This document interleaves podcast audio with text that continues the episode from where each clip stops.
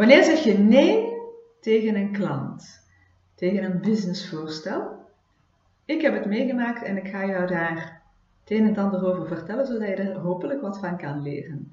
Er zijn drie redenen waarom ik laatst nee gezegd heb tegen een businessvoorstel. Concreet, ik ben Greet Bunnens en ik ben ongelooflijk gepassioneerd door personal branding. Dus hoe zet ik mezelf als ondernemer op de kaart? Nu kreeg ik laatst een voorstel van Pierre, een vriend van mij, en die zei me, Greetje, zou jij niet willen een training geven over personal branding? Nu, dat is helemaal mijn dada. Ik ben dat gewoon. Ik ben er ongelooflijk gepassioneerd door. Ik heb er al ongelooflijk veel workshops en trainingen over gegeven in verschillende settings. Dus aan zich zou ik daar ja kunnen tegen zeggen. En toch heb ik nee gezegd. En wel om drie redenen.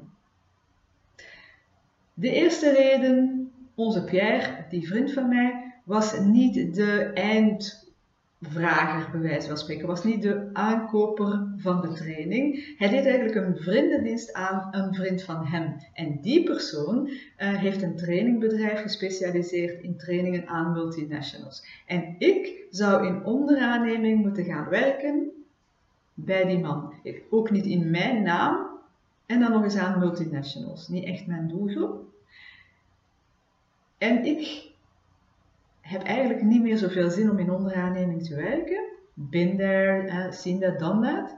En ik weet dat heel veel mensen dat doen en that's okay. Maar zelf heb ik daar niet meer zoveel zin in, omdat het gewoonweg niet een interessant businessmodel is. In onderaanneming werken, dat is zo niet het businessmodel waar ik naar streef. Dus dat was een eerste reden. En al helemaal niet als ik het niet onder mijn naam zou mogen doen. De tweede uh, reden waarom ik het niet wilde doen, was dat het eigenlijk mijn core business niet is. Het is mijn missie om ondernemers te gaan begeleiden in hun groei. Hun groei als persoon en met hun business. En ik doe dit in trajecten één op één, maar vooral ook in groepsverband. En dat zijn lange trajecten, omdat ik ervan overtuigd ben dat je je personal brand en je niet kan neerzetten en je business niet echt kan laten groeien op één dag. Dus je hebt daar wat tijd voor nodig. Dus dat zijn onze personal branding trajecten. Nu, dat is wat mijn focus is, dat is wat mijn core business is. En het eenmalig training gaan geven in iemand anders naam, niet.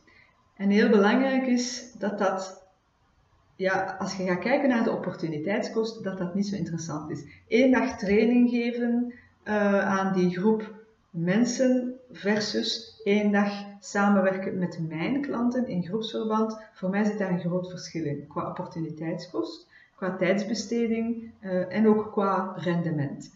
Dus heel erg belangrijk, waar leg jij de focus op? Voor mij was dat ene ding dus niet de focus. Waar leg jij jouw focus op? Hoe zit dat met die opportuniteitskost bij het voorstel dat jij krijgt? En een derde reden, pam pam pam, tarief. Het typische issue tarief, hè? de prijs. Um, het probleem met trainingen geven, en misschien is dat in uw business ook het geval. Het probleem met trainingen geven is dat dat een beetje een commodity is geworden. Er zijn heel veel trainers die heel veel trainingen geven op plus-minus dezelfde manier, over plus-minus dezelfde onderwerpen. Dus het is een commodity geworden en het is moeilijk om je nog te onderscheiden van de massa als trainer, tenzij dat je een heel sterke personal brand hebt of je echt iets uniek hebt als product of dienst. Een unieke training. Maar anders is het heel erg moeilijk om je te onderscheiden. En wat doen trainers dan heel vaak? Ze verlagen hun tarieven. Nu, ik ben niet van plan om mijn tarieven te gaan verlagen, ook rekening houdend met de opportuniteitskost van puntje 2. Dus mijn tarieven zijn zo opgebouwd, ik weet dat ik heel veel waarde kan bieden aan mijn klanten en dat is niet om op te scheppen, dat is gewoon omdat ik het weet en omdat de klanten dat ook zeggen. Dus uh, wil ik waar voor mijn geld krijgen. Zij krijgen waar voor, mijn, voor hun geld. En ik wil ook heel veel waarde geven voor, uh, voor wat dat ze betalen. En daar hoort een correcte prijs bij. Dus ik ben niet van plan om mijn uh, prijzen te laten dalen. En toen ik vertelde aan Pierre wat dat mijn uh, tarief zou zijn, dan verschoot hij zo wat en, uh, dan, zegt hij, en dan zei hij, ja maar Gretje, jij, jij bent toch al jaren bezig met personal branding, om zo'n training te gaan geven van een dag, dat is toch voor u fingers in the nose, je moet daar toch niet meer voor voorbereiden, dat is, dat is toch easy voor jou. Met andere woorden, hij zei van, uh, zeg, uh, dat gaat toch gemakkelijk zijn voor jou, verlaag die prijzen is, zoveel moet je daar niet voor vragen.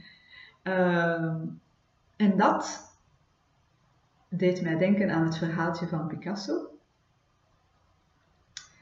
Het verhaaltje It Took Me My Whole Life.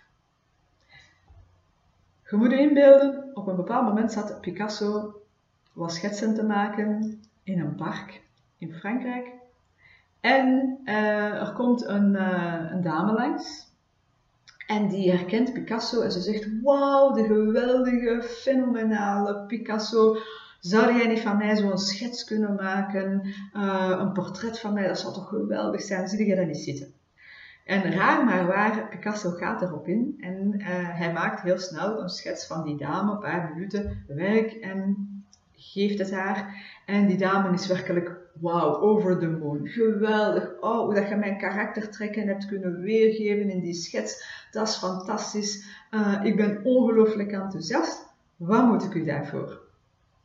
En Picasso antwoordt daarop, 5000 frank, Franse frank. En dat was destijds heel veel geld. En die vrouw zegt van, wat 5000 frank? Zit je zot geworden? Dat is hier maar 2, 3 minuten dat jij daaraan bezig geweest bent. 5000 frank voor maar 2, 3 minuten werk? Waarop Picasso zonder blikken of blozen zegt, it took me my whole life. Hij is uiteraard al heel zijn leven aan het leren om een expert te worden in dat soort schetsen die de karaktertrekken van de dame kunnen weergeven.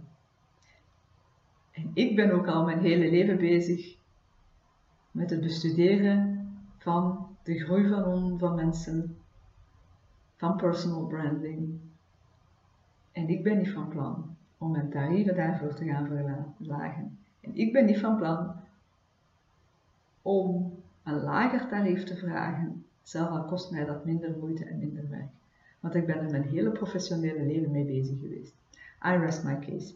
En ik heb dus nee gezegd tegen dat businessvoorstel. Dus aan jou, heb jij daar ook al eens mee te maken gehad dat mensen jouw prijzen in twijfel trekken of dat je een voorstel krijgt waarvan je toch wel wat twijfel hebt? Hoe zit dat? Hoe neem jij een beslissing en uh, heb je ook al eens nee gezegd? Ik ben benieuwd en laat het ons weten. Bye bye.